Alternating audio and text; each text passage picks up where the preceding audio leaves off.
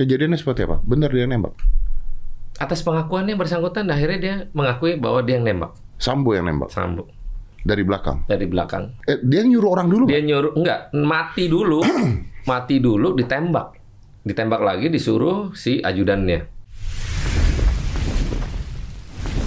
5 4 3 2 1 Close the door. Pak Syaroni ini memang nggak bisa diajak bercanda kok memang. Capek ya saya bercanda Pak Syaroni. Orang saya nantangin dia itu ngebahas tentang menyelesaikan masalah pesulap merah dan dukun, Pak. Terus tiba-tiba Anda iya tapi nggak mau yang itu. Maunya yang tari sambo. Tari-tari lebih enak. iya iya betul. Seram. Eh gue ngikutin bro. Gue ngikutin itu semua pertanyaan-pertanyaan lu di Instagram, di YouTube. Wah Pak Mahfud datang, Kapolri datang, semua datang. Rakyat nih udah pada pusing. Nah sekarang anda, kayaknya anda nih yang paling vokal, yang paling disorot oleh masyarakat. Wah. Terus anda tidak ada di potongan video memuji-muji Kapolri juga. kan dibikin nama Najwa tuh. Kalau nggak salah Najwa atau siapa narasi gitu kalau nggak salah. Narasi, narasi ya, narasinya Najwa ya kalau nggak salah. Wah, memuji-muji Kapolri. Anda nggak sama sekali Anda diam gitu. Nah, jadi mungkin gue mulai pertanyaan ya bro ya. Kan Anda ada di sana nih, pasti Anda tahu hal-hal yang saya tidak tahu, masyarakat tidak tahu. Masyarakat pengen tahu banyak hal. Yang pertama, apakah ini kasus LGBT, Pak? Ini kan eh, gini, ngomong LGBT secara alami di dunia di dunia mana pun pasti ada. Ada, nggak mungkin hilang dah itu. Nah, Tapi kita harus melihat pada eh, pokok perkara ya, yang eh, disajikan oleh yang bersangkutan sekarang. Yang saya tanya adalah, ini motifnya apa? hmm. Oh, yang bersangkutan masih dalam pengakuan pelecehan. yang bersangkutan ya. Yang bersangkutan. Nah, kalau dalam eh, aturan hukum, kan kita berlandaskan tentang pengakuan. Iya betul. Nah, kita berlandaskan itu. Nah, kalau akhirnya, oh di sini adakah LGBT? Hmm.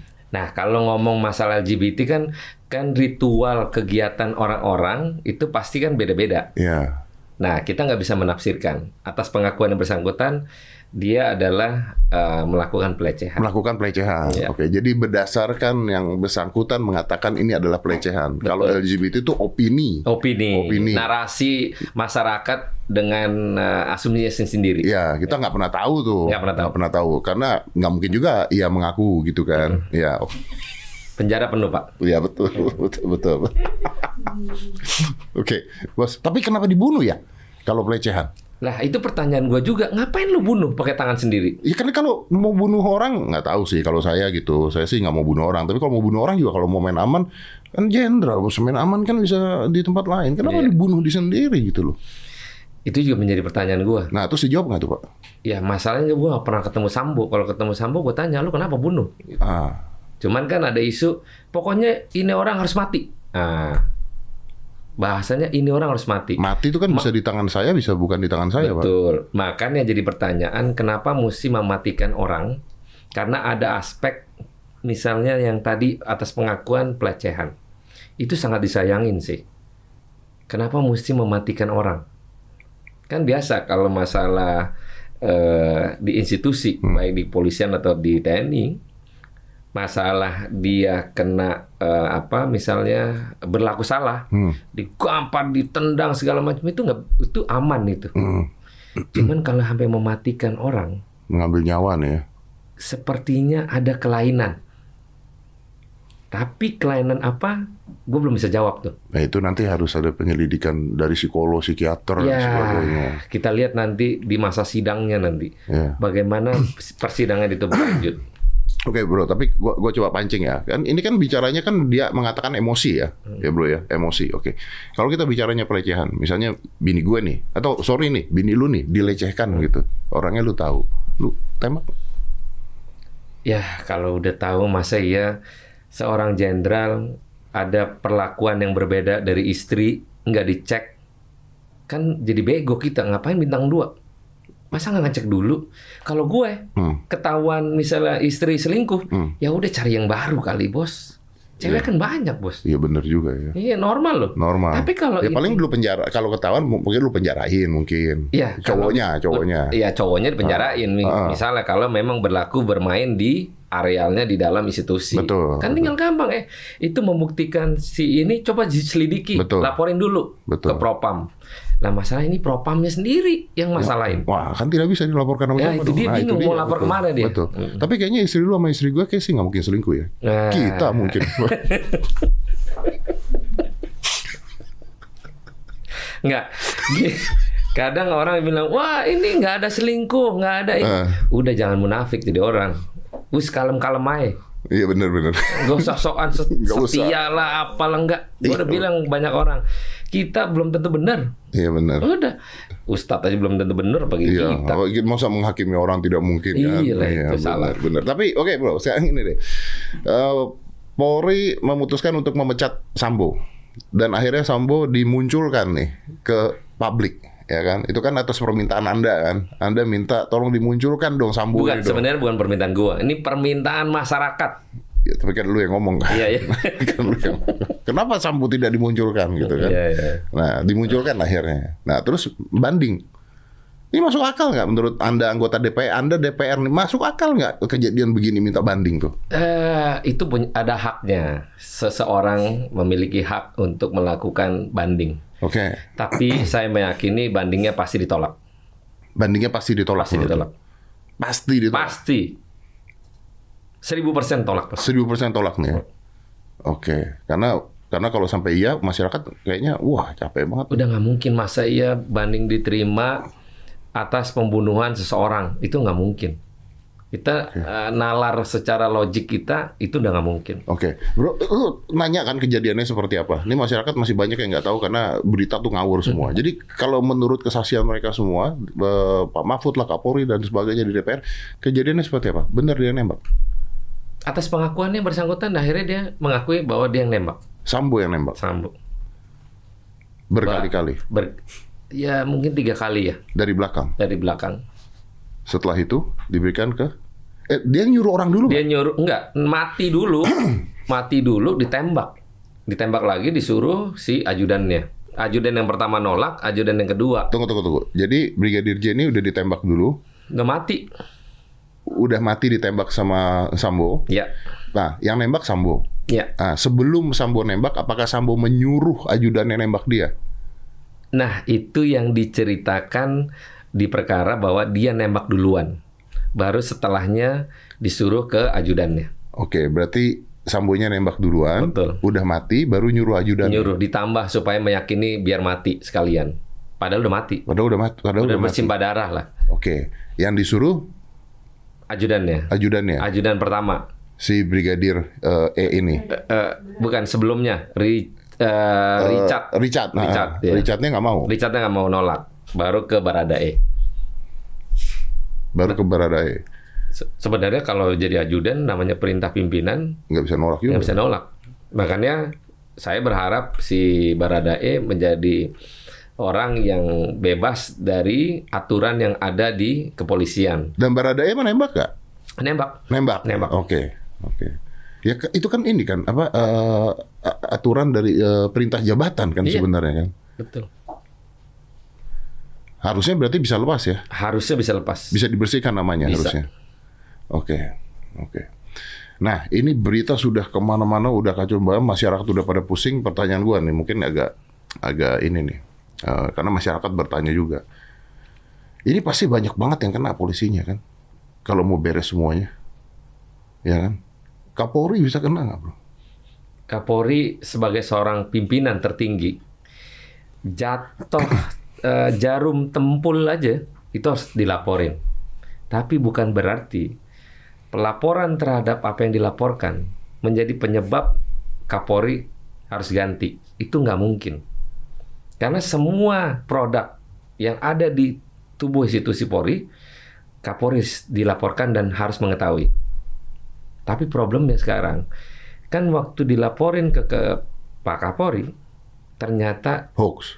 laporannya Prank. palsu. Ah, Nah, begitu juga dengan Kapolri melaporkan itu kepada Bapak Presiden. Kan sesuai laporan dari anak buah. Ternyata kena prank semuanya. Berarti Pak Presiden pun kena prank. Pak Presiden pun kena prank juga. Kan kita pada posisi menerima laporan di lapangan dari anak buah. Hmm. Kapolri menerima laporan atas laporan dari anak buah. Hmm. Nggak taunya semua palsu. Hmm. Kan kasihan. Nggak bisa disalahin Pak Kapolri sebenarnya. Nggak bisa disalahkan. Nggak bisa disalahin. Oke. Nah kalau Pak Kapolri nggak bisa disalahkan, berarti yang di bawah-bawahnya gimana? Kapolda dan sebagainya nggak bisa Nah, disalahkan itu juga. yang akan diselidiki lebih lanjut oleh tim Irsus. Apakah ada hubungannya? Perangkat dari mereka yang mencoba menghalangi atau menutupi perkara yang ada, nah itu baru diperiksa. Makanya saya sampaikan sama Pak Kapolri secara non formil untuk dipisahkan antara orang yang langsung terlibat sama yang orang tahu tapi tidak terlibat, sama orang sama sekali nggak tahu tapi ikut di dalamnya. Itu beda tuh ya. Nah, itu beda. Makanya harus dipisahkan. Jangan sampai orang yang tidak terlibat secara langsung kena imbasnya. Orang yang tidak terlibat secara langsung itu, kalau misalnya dia disuruh gimana? Nah, itu tadi. Kan propam nyuruh kalau misalnya kayak CCTV, buang nih propam yang nyuruh. Gue takut tuh, gue buang dong. Itu tadi. Iya kan? Karena yang terlibat secara langsung Heeh. sama yang tidak terlibat. Tidak secara langsung. Yang tadi yang tadi lu bilang bahwa oh, perintahnya hancurin tuh CCTV. Ah. Itu kan terlibat langsung. Terlibat langsung. Nah. Tapi kan dia dapat perintah dari propam Nah, untuk itu tadi hancurin. perintah tadi yang bersangkutan dari pimpinan, pimpinannya, Hah? maka itu yang dinamai dengan faktor kelalaian dalam eh, apa eh, bertugas. Sial juga dong. bro. Sial udah. Hah? Sial. Tapi kan ini kalau dilihat dari 30 83 yang kena imbas langsung itu 18. Langsung ya, 18 orang. Yang langsung nih ya. Ya, secara langsung. Yang lain itu masih tahap eh, pemeriksaan lebih lanjut. Makanya pada saat rapat kemarin Pak Kapolri memisahkan klaster orang yang secara langsung dan tidak secara langsung. Bro, kalau lu tadi ngomong begitu, misalnya nih, gue yang ngancurin, gue yang ngebuang CCTV lah gitu, tapi atas dasar karena propam datang, gue nggak, gue takut dong, maksudnya ya udahlah, gue kasih gitu karena gue takut. Tapi gue kena nih, kan lu bilang ya sial berarti kan, Iya. karena kelalaian kan berarti kan. Berarti brigadir eh, E, walaupun dia atas perintah jabatan untuk nembak, dia juga harus kena dong. Nih, masalahnya kalau yang terkait tersangka Sambo dan ajudannya Baradae, ini kan pada pelibatan yang langsung. Mm-mm. Tapi kan perintah pimpinan itu ada pasalnya kalau nggak salah Ya, ya betul betul. pasal 51 kalau nggak Ada salah. perintah pimpinan. Nah, ada perintah pimpinan secara langsung. Padahal yang bersangkutan adalah atas perintahnya untuk menembak karena perintah itu disuruh. Hmm. Nah, begitu juga dengan orang yang misalnya menghilangkan barang bukti. CCTV lah anggap. Itu perintah. Hmm. Tapi perintah secara langsung yang harusnya para penyelidik ini itu mendouble check apa yang terjadi sebenarnya. bisa memisahkan. Bisa Dan mereka memisahkan. bisa selamat nih. Harusnya bisa selamat, tapi kalau dia merusak barang perkara Ah. kejadian, nah itu masalah. Berarti kan ada dua problemnya. Hmm. Dia melalaikan eh, melalaikan tugasnya dan membohongi seolah-olah loyalitas itu dilakukan atas pimpinannya. Oke, oke, oke. Berarti kita masih detik ini kita masih tidak tahu mana yang bisa diselamatkan, mana yang tidak ya. Yang sekarang kelihatan 18 orang itu. 18 orang 18 ini orang itu yang secara langsung, Secara langsung terlibat terlibat. eh, atas perintahnya Ferdi Sambo. Oke, oke. Kena prank lah. Oke. Eh, gue boleh nanya gini nggak, bro? Maaf ya. Anda bukannya kenal sama Sambo ya, bro? Lu kenal. Dari 2006. Dari 2006. 2006. Berarti udah lama tuh. Lama. Kenal tuh maksudnya kenal tahu doang atau kenal kenal kenal? Kenal ngobrol ngopi bersama waktu zaman eh, ada Kudus Cafe di eh, Hotel Sultan. Oke. Dari zaman Kompol. Zaman blow on lah. Kalau Kompol kan diem aja. Lihat orang-orang petinggi-petinggi kan diem gitu. Tahu. Tapi pada perjalanan eh, tidak tidak dekat. Nah, pada saat jadi bintang satu sudah tidak ada komunikasi. Udah nggak ada komunikasi. Jarang sekali. Terakhir ada foto gue beredar, gue Sambo, ada ada penasihat Pak Kapolri juga, ada lawyernya juga yang sekarang ikut sama tiga orang, yang satu mantan menteri, yang dua adalah uh, pengusaha. Eh di salah satu restoran itu beredar. Dan orang pada nanya, bener kalau Sambo itu kawan gua kok. Tidak bisa dihindarkan. Tapi pada saat sekarang, pada posisi yang dia melakukan kesalahan, adalah orang yang berperkara. Hmm. Kita harus pisahkan antara pertemanan dan orang berperkara Hmm. Hmm. agar tidak menjadi satu asas kepentingan. Seolah-olah Sahroni mentang-mentang Di backup, temenan, nge-backup. eh, temenan di backup. Hmm. Gua eh, komisi 3 juga lagi. Hmm, Komisi tiga. Seolah-olah, Ya. tapi alhamdulillah komitmen dan konsistensi gua menyikapi perkara ini dari awal sampai terakhir gua tetap Profesional. pada profesional. Oke, tapi lu pernah temenan berarti? Temenan pernah. Berarti pernah ngobrol, pernah pernah, ngobrol. Pernah Berarti tahu orangnya seperti apa? tahu Nggak begini. Enggak. Dulu dia nggak begitu. Nggak begini arogan, nggak. Sangat kaget. Tidak arogan. Tidak. Karena kalau kita lihat videonya nih, dibandingin anak-anak kan bikin TikTok tuh banyak banget ya. Yang dulu gitu, yang masih lucu, masih ini, masih ini terus sekarang udah wah serem, udah apa, udah apa. Berubah loh. Total. Setelah bintang satu. Setelah bintang satu. Jadi total itulah manusia dikala memegang kekuasaan dan jabatan yang terlalu tinggi dan tidak mem- bisa memanage itu kadang orang lupa diri. Nah inilah kejadian tentang lupa diri dan hilaf. Kasian gitu. Iya ya. Sayang. Sayang. Jadi dulu asik ya sebenarnya. Asik banget, asik banget. Dia orang yang friendly lah. Tapi kan kalau ngelihat eh, pada saat kemarin gua minta dihadirkan atas eh, dorongan masyarakat dan dihadirkan lihat kondisi yang sebenarnya kan jauh Beda ya. beda 10 kilo katanya turun.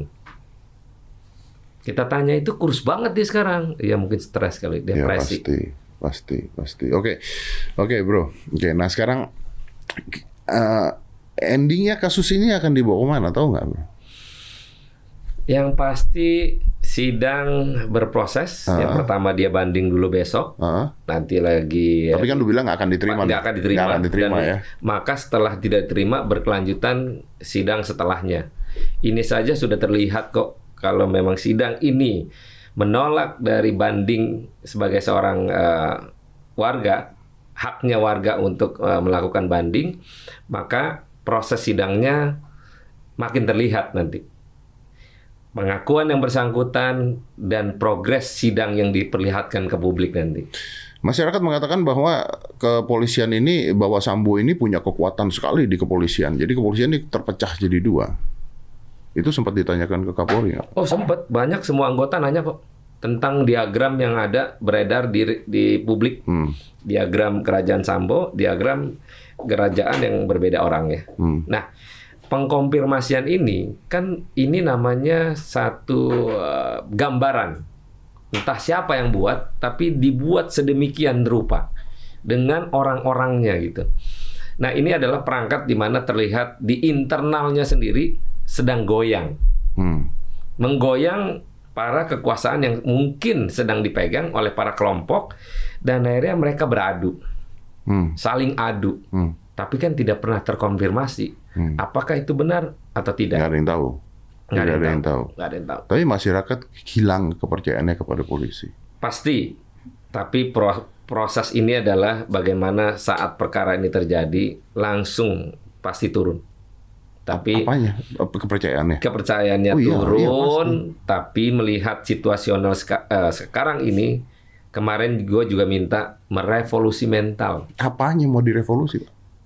Di dalam tubuh Polri sendiri dari perangkat-perangkat yang memang namanya sudah Oke. tidak baik. Kita ngomong belak-belakan deh ya. Oke. Kita ngomong belak-belakan deh ya. Gua kan dari tadi juga ngomong pakai mikir soalnya gitu ya.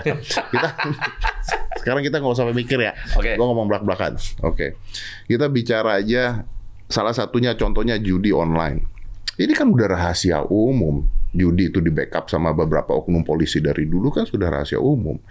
Ke sini di backup, ke sini di backup. Terus kan juga udah rahasia umum kalau misalnya polisi juga ya adalah saya nggak mengatakan semua oknum-oknum lah kita anggap oknum nge-backup ini gitu kan kasus ini dan sebagainya ini kan udah rahasia umum. Tiba-tiba sekarang dibongkar semuanya. Masyarakat juga nanya judi udah dari zaman dulu, lu baru ributin sekarang.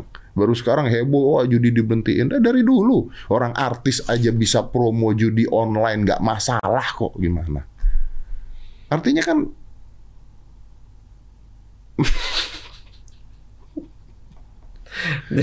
Udah gue boleh jawab belum deh? boleh boleh Eh. boleh. Gue udah nggak berani ngomong.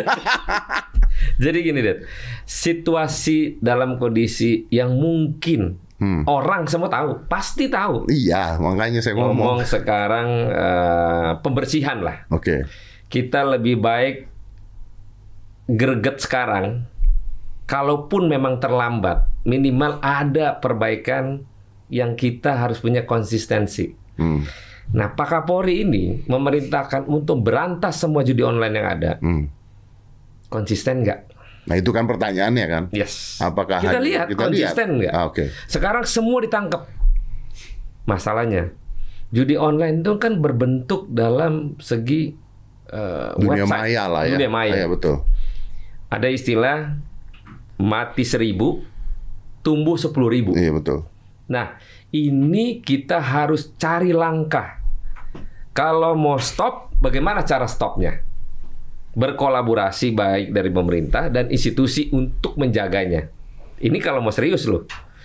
Tapi kalau mau tidak serius, ini lagi-lagi nanti di mata masyarakat polisi cuma cawe-cawe aja.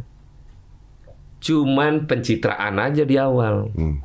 Nah kita pengen, saya yakin Pak Kapolri mau berantas ini secara menyeluruh dan konsisten. Kita sama-sama lihat. Setelah kemarin semua orang ditangkap di Polda Metro ditangkap 296 orang tersangka. Bayangin berapa banyak penjara yang akan ruangnya lebih ruang, pasti lebih sempit. Iya betul. Penjara kita Mau diapain? Udah, udah sempit. Sekarang biaya untuk mereka yang di penjara mau berapa banyak biaya negara untuk ngurusin orang-orang yang terkait masalah judi online. Hmm. Nah kan kita mesti pikirin nih. Udah negara di dunia lagi pada susah. Sekarang isu BBM mau naik. Dan ini lagi semua dipenjarain.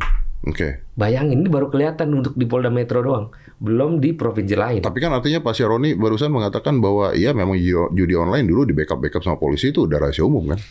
Judi online dari dulu ada, bukannya ngomong sekarang. Sebelum gua lahir mungkin juga ada Iya, kali betul. judi. Judi Tapi udah. dulunya tidak pakai online. Ya dulu, Dulu manual, darat. manual, Ya, manual. Dan emang ada dan memang kadang di backup juga. Sekarang kemarin ada eh, cerita penangkapan judi online di satu tempat, tempat yang memang mainan judi. Polisi ngeliatin dia main di belakangnya, dan ini tinggal tangkep. Bayangin dong, kan tidak semua orang tahu bahwa ini lagi pembersihan. Nah, yang kita pengen kalau mau bersih-bersih, ya bersih-bersih 100%. Jangan dikalahin aja nih perintah Kapolri bersihkan segala macam. Cuman sesaat, Ntar mulai lagi. kita mulai lagi. Nah, kita harus awasin itu. Konsistensi kita butuh dorongan kepada pemimpin kepolisian untuk menindak. Kalau memang benar, laksanain habis-habis. Tapi kalau enggak, bagaimana cara mengawasinya? Tapi bro percaya bro. Saya nggak bicara Kapolrinya loh. Saya bicara apakah percaya bahwa eh, anggaplah Kapolri kita beneran akan membasmi itu. Kapolri itu bakal ganti loh bro. Oh iya, nggak mungkin seterusnya Iya, Kapolri. betul. Polisi akan ganti Pasti, orang dan sebagainya. pasti, pasti. Uang menggiurkan. Pasti. Saya sempat kemarin ngomong terus gua kena cancel. Gua kemarin sempat ngomong, udahlah judi dilegalkan aja, gue bilang. Bisa jadi devisa buat negara kita. Orang nggak bakal hilang juga. Di Singapura judi dilegalkan untuk wisatawan. Iya. Makanya tadi gue bilang tadi, bagaimana langkah Kita harus mikir pengawasan? nih ya. Iya harus mikirin dong. Jangan akhirnya di eh, dibersihin, tapi ada permainan di belakangnya. Mm. Nah, bagaimana regulasi pemerintah untuk mengawasi judi online? Bagaimana judi online ini bisa dibolehkan dengan regulasi yang cukup? Bagaimana? Itu kan ada regulasi. Di negara luar sama aja kok punya regulasi masing-masing. Kayak misalnya tetangga kita lah di Singapura. Hmm. Bagi orang pengunjung wisata, eh pengunjung eh, orang yang memang di lokal Singapura misalnya, Boleh. itu boleh tapi dia umurnya berapa dan Betul. misalnya bayar berapa. Betul, betul. Itu resmi. Taruh deposit Ada dulu, aturan. ada aturan. Nah, kiranya dalam urusan ini harus duduk para eh, apa stakeholder Ya Anda yuk. untuk bersama-sama. Loh, kita kan pembuat undang-undang. Iya kan tapi kan Anda Ya. Eh, ininya source-nya itu adalah pemerintah. Bagaimana pemerintah mengawasi ini? Regulasinya mau diapain? Jangan sampai kita kucing-kucingan. Kan repot. Nah iyalah, sekarang kayak kalau gue ya pada saat itu ya, ya abis ini mungkin abis ini gue dibenci oleh beberapa orang lah. Kayak Doli dibubarin gitu. Terus wah ini dibubarin lah eh, prostitusi, tempat prostitusi yang kita udah tahu dari zaman dulu ada dibubarin. It's bullshit lah. Dibubarin open BO bos. Ya makanya sekarang kan pakai online. Iya. Kan istilah kata judi online dulu Iya. manual, sekarang Iya. pakai online, itunya manual ditutup pakai online. Iya. Sama aja nggak ada bedanya. Dibubarin malah ke mana-mana. Nah iya, jadi kan? liar. Tidak terkontrol. Yes. Di Singapura prostitusi terkontrol. Ada satu tempat. Ada satu tempat, Eh, iya, tapi tidak semua orang masuk di situ. Iya, kan betul. pada pengawasan. Ya makanya kan ada ada regulasinya kan sebenarnya kan. Hmm. Ya tapi kan kita sulit lah kalau kita ngomong kayak begini kan kita, Kita salah lagi ntar. salah lagi. Betul betul betul. Kemarin malah ada berita Kapolsek Sukodono ditangkap karena narkoba. Itu kan lucu juga kan.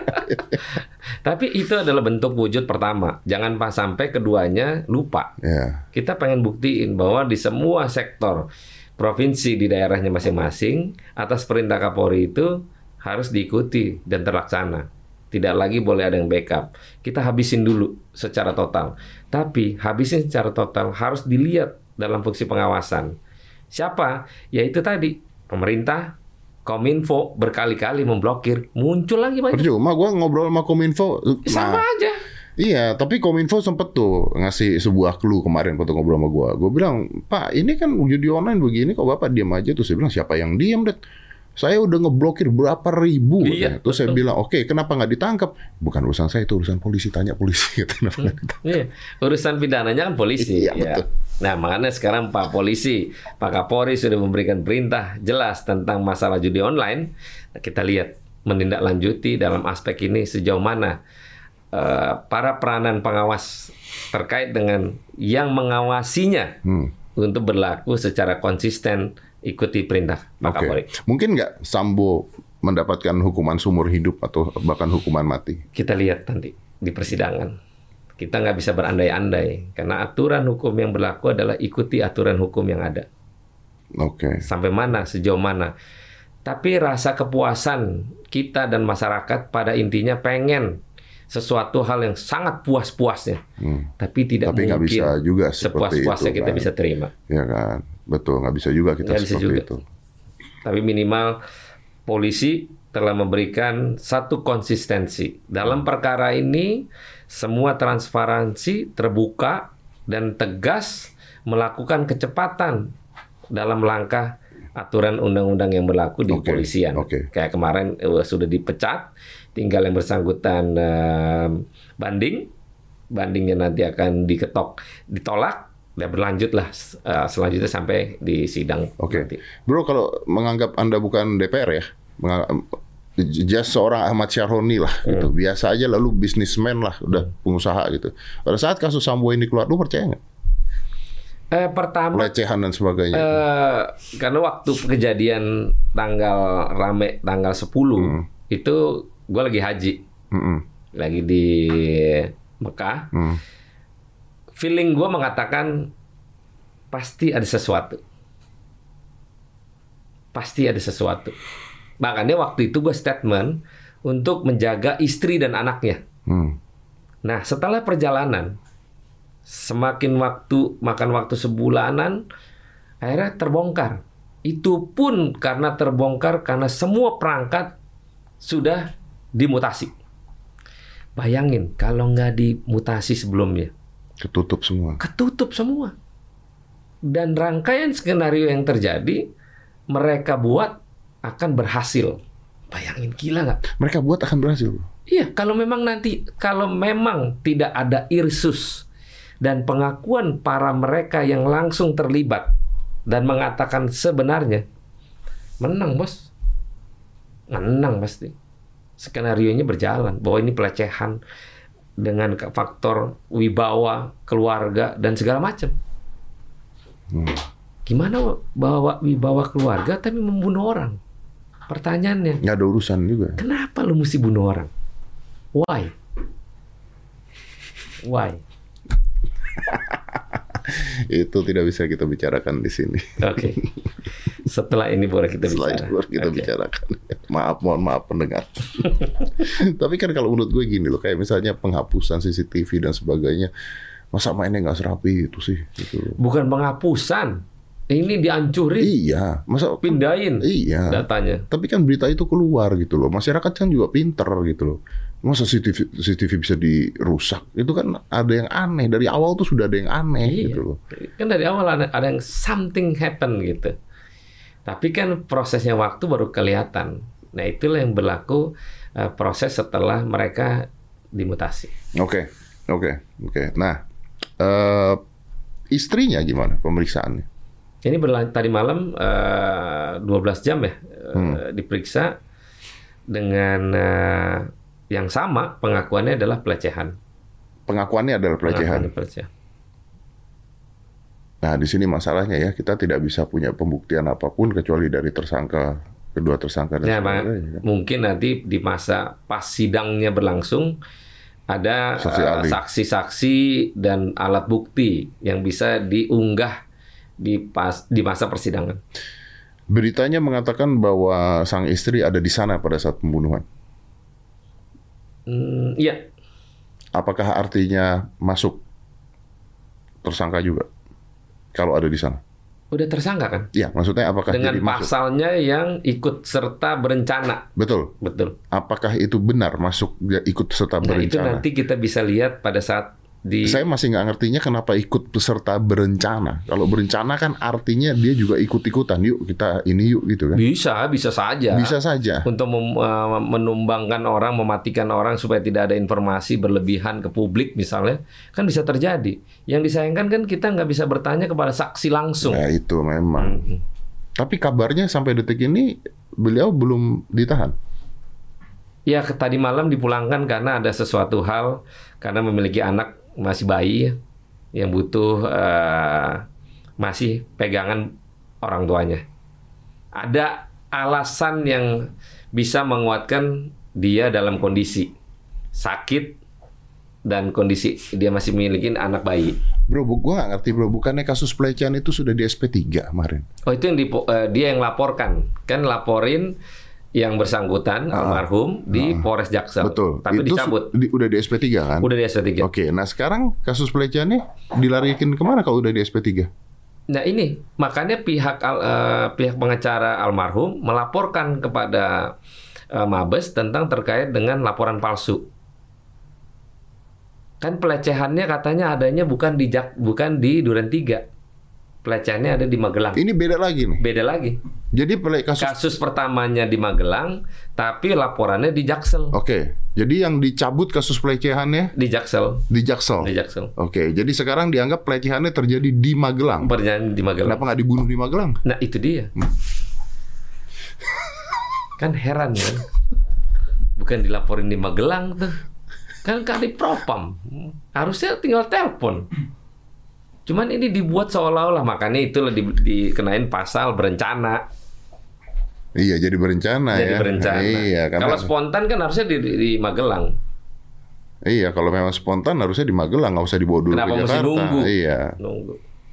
Wah, gila ya. Waduh, ini sejarah. Do you think people will believe in Ya, no, no, no? no. Enggak lah. Anda tuh Dewan Perwakilan Rakyat loh. Anda ngomong tuh mewakilkan rakyat. Ya, loh. makanya mewakilin rakyat juga. Iya, Nggak percaya pasti. Nggak percaya kan? Iya, nggak percaya. Tapi apa ya? Tapi kalau endingnya begitu gimana? Cuman apa yang kita bisa buat atas pengakuan yang bersangkutan telah menyampaikan hal-hal itu di hadapan hukum yang berlaku. Kita mau apa? Ya itu tadi tidak bisa menyenangkan semua orang. Saya mewakili rakyat. Ya udah. Iya, Anda mau gini ya, gini ya bro ya. Sorry nih, gua gua gua uh, ulang lagi. Anda sebagai DPR perwakilan rakyat. Anda saja mengatakan bahwa rakyat nggak akan percaya sama ini. Betul. Pelecehan dan sebagainya, rakyat nggak akan percaya. Tapi juga harus percaya bahwa pengakuannya. Nah iya, tapi kan akhirnya kan rakyat tidak senang dengan endingnya nanti bisa. Ya, senangnya, tidak senangnya masyarakat. Seperti kita tidak senangnya melihat orang senang. Hanya senang melihat orang susah. Iya. Nah itu dia. Itulah hidup bos. itu hidup bos. Nggak bisa diapa-apain bos. Mau diapain? Nuntut nih misalnya masyarakat. Pak Roni harus lakukan sesuatu kepada hal terkait dengan eh, tersangka Ferdi Sambo. Ya kalau hukumnya sudah mengatakan dia pengakuannya pelecehan, Lu nggak bisa apa-apa juga. nggak bisa. Masa dia harus mengaku yang lain? Kan nggak mungkin. Sedangkan korban udah meninggal ya. Korban udah meninggal. Kita nggak bisa memberikan satu pertanyaan kepada si Hmm. Pelaku saksi pelak, saksi utama. Nggak Hmm. bisa. Balik lagi ke pertanyaan tadi, artinya kalau ini selesai semuanya kepercayaan masyarakat terhadap polisi akan menurun drastis. Tadi lu mengatakan Sudah, sudah, sudah menurun. sudah, menurun, sudah ya kan? menurun. Dan kalau misalnya hasilnya seperti itu masyarakat tidak suka, akan menurun lagi. Nah, sekarang langkah selanjutnya adalah bagaimana Merekonstruksi merekonstruksi kepercayaan. kepercayaan publik dan merekonstruksi struktural yang ada di institu- institusi polisi. Struktural apa maksudnya? Para mereka yang terlibat langsung dan tidak langsung, bagaimana Kapolri memberikan ruang untuk memulihkan ini di mata publik. Berarti ini ending-endingnya adalah bagaimana ketegasan seorang Kapolri. Yes, kita tunggu. Kalau dia nggak tegas, Tapi saya yakin dia tegas. Ya maksudnya kalau dia nggak tegas, masyarakat akan lebih parah. lagi. Wah, agar agar rea- apa masyarakat pasti reaktifnya ber, wah sama persis kayak kemarin reaktif. Tapi saya yakin lah untuk eh, urusan perkara ini lambat laun akan selesai dan kita fokus move on ke langkah selanjutnya karena kita menyikapi hal yang ke depan seperti eh, BBM mau naik dan pemilu di depan mata dan ini kita jaga. Iya benar. Terus kalau enggak, nanti polisi pusing ngurusin begituan, sed- sedangkan keamanan dan kenyamanan nggak dijaga. Kan kita butuh polisi. Pak Mahfud tuh kalau nggak salah sempat ngomong ya lebih baik ada polisi-polisi nakal dibandingkan satu hari tanpa ada polisi. gitu. Betul. Betul sekali. Ya memang masuk akal. Ya betul BBM mau naik. Ikutin berita kemarin ada anggota DPR mukulin perempuan nggak Pak? Oh ya di Palembang. Iya. Kan udah dipecat. Iya. Itu juga bingung juga tuh. Kenapa mesti mukul perempuan? Iya terus mukulnya begitu lagi Pak. Iya. Tapi eh, partainya luar biasa melakukan Langsung ya. Langsung itu top. Bagus. Iya benar-benar langsung langsung diselesaikan di sana. Jadi nggak ada isu lagi. Udah kalau udah dipecat, dah kan tidak tanggung jawab lagi. Iya. itu harus tuh dilakukan oleh semua partai yang berlaku sama. Kalau ada anggotanya yang nggak benar, sikat, pecat. Dah. Oke. Bro, terakhir bro. Maunya DPR sekarang gimana? Maunya segera dipercepat sidangnya untuk menyelesaikan tugas-tugas polisi yang ke depan lebih rumit agar tidak berlarut-larut dan masyarakat juga bisa menyaksikan atas sidang yang sudah ada. Ya lu bukannya kena ini ya? Kena Masa reses. bukan lu kena serang SJW ya? Kena serang netizen ya? Gara-gara ngomong udah udahin Oh. dong. Udahin kasus ini Jadi di sosmed ya kan? maksudnya gua itu Ya. sudahilah obrolan tentang Verdi Sambo. Gak bisa, ka- Bro.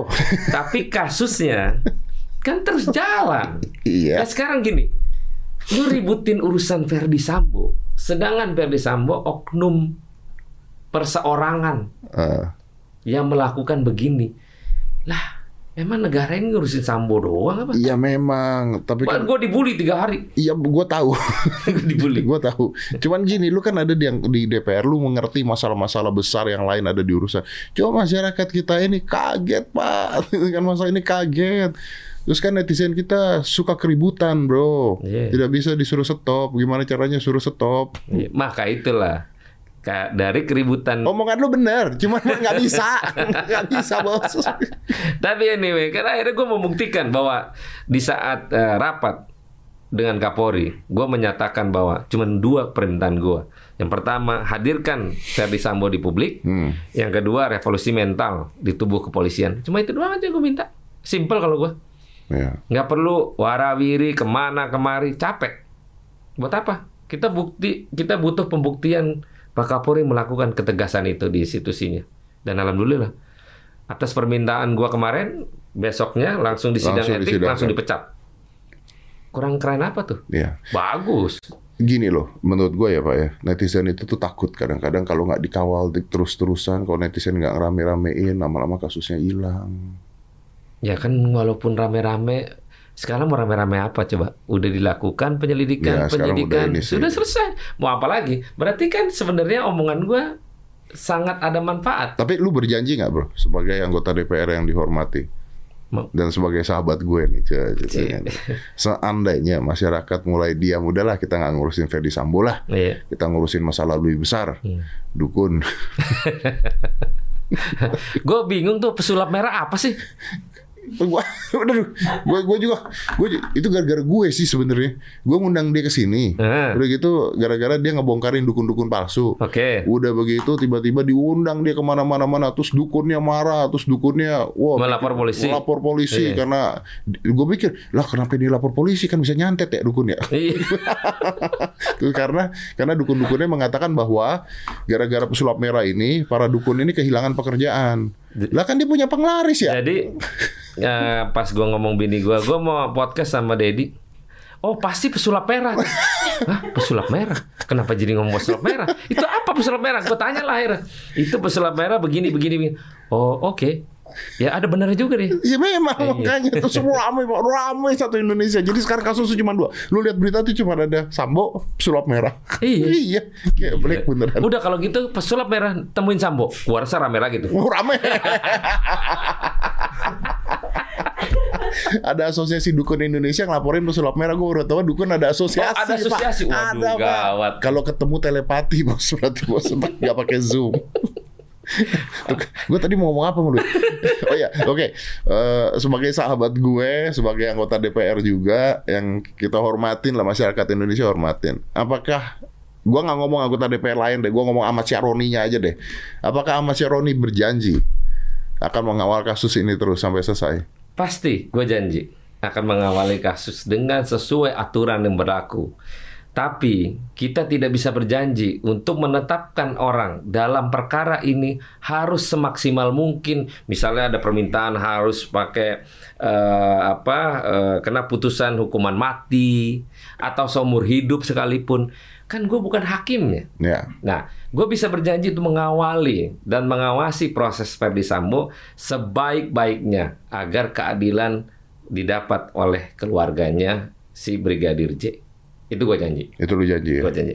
Oke. Karena kayaknya masyarakat butuh itu sebenarnya saat ini. Karena kita Swear. Swear ya. Oke, baiklah. Ahmad Syaroni. Swear. Swear. Lu aja bingung nanya. Sulap merah paling enak kayaknya. iya.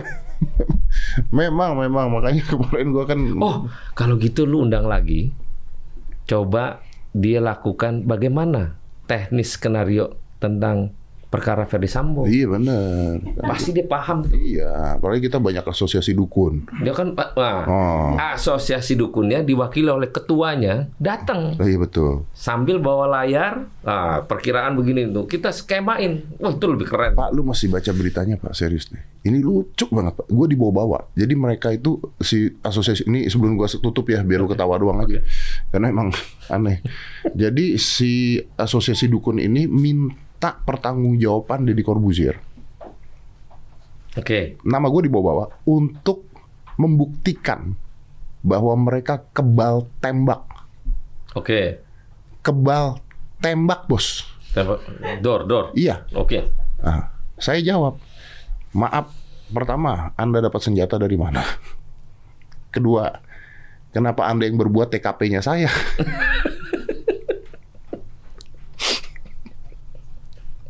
Kebal tembak bos, mau dibuktikan. Udah gitu dirubah. Ya kalau gitu kita pakai airsoft gun. Kalau airsoft gun, saya juga kebal bos.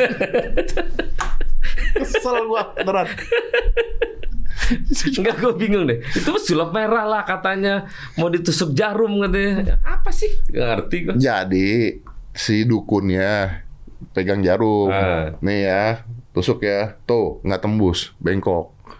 Ya, tuh nggak tembus bengkok. Kita nih kebal nggak bisa ditusuk. Oke. Nah, udah gitu ada dokter kan, ada dokter ada dokter juga. Dokter bilang, oh boleh nggak pakai jarum abokat saya suntik?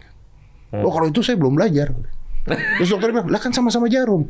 Ya tapi itu beda, saya belum belajar. Ente kadang-kadang katanya gitu marah dia pak, gitu pak.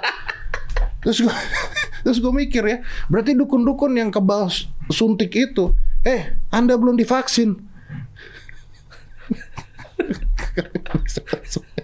Aduh, udah deh lu jangan ngurusin itu Pak. Kok jangan jangan. Lu sampai DPR ngurusin itu, Bro. Sampai DPR. Gua hina, gua yang pertama kali menghina-hina DPR nanti Anda lihat. Bodoh amat. Bodoh amat. Enggak, tadinya gue mau malah hadirin pesulap merah di DPR. itu lebih menarik ya. Itu kayaknya lebih menarik sih untuk untuk mem- membuat masyarakat kita tertawa sedikit kayaknya itu menarik. Tapi masyarakat kita senangnya ya, keributan memang. ya memang. Waduh.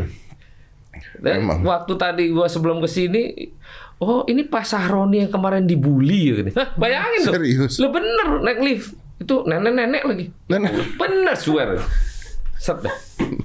Eh tanya dikit dong. Hmm. Kasusnya itu DS gimana? Dia siapa tuh? Eh DS, sampai lupa gua namanya. Siapa? Siapa? Aduh. Adam Denny. Adam Denny. Oh ya udah gue perkarain. Bos. Udah selesai? Udah, bos. Udah Ah, selesai? eh, satu, udah selesai. Baru lagi mau banding dia. Lagi mau banding? Yang kedua kan gue laporin lagi, bos. Dia mau banding? Mau Kayak- banding? kayak Udah. kayak Iya mau banding, tapi belum sidang. Yang kedua lu mau laporin lagi? Udah. Yang ngomong 30, 30 miliar. miliar. Iya. Lu ngelaporin kenapa? Tersinggung karena duit lu lebih dari itu.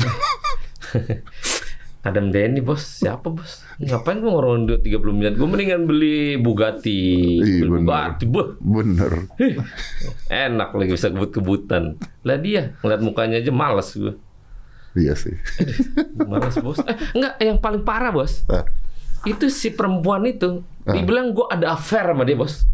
Lu ada main sama tuh cewek? Iya, bos. Yang dari Bali itu? Iya. Lu ada main sama tuh cewek? Ya Allah, bos. Bos, gua udah lihat bini lu, bos. Kayaknya nggak mungkin, bos. Bos sama pembantu gue, cantikan pembantu gue, bos. iya. Nih, maaf ya bos, ya. saya jangan dipenjarakan ya. Saya saya mengatakan gini, tidak mungkin sama Sharoni itu ada fair dengan wanita itu. Kalau ada fair mungkin, tapi tidak dengan wanita itu. Iya, enggak kalau kalau misalnya Sahroni selingkuhan dengan artis, Artis A, mah mungkin. itu kan oke. Ya. Jadi ah, naik harga diri. Bener. Ya enggak, tapi kan ya oke lah ya. Iya, iya, ini udah enggak. Terus sama dia pula. Ya Allah ya Tuhan. Kulitnya aja masih bagusan gue. Iya betul.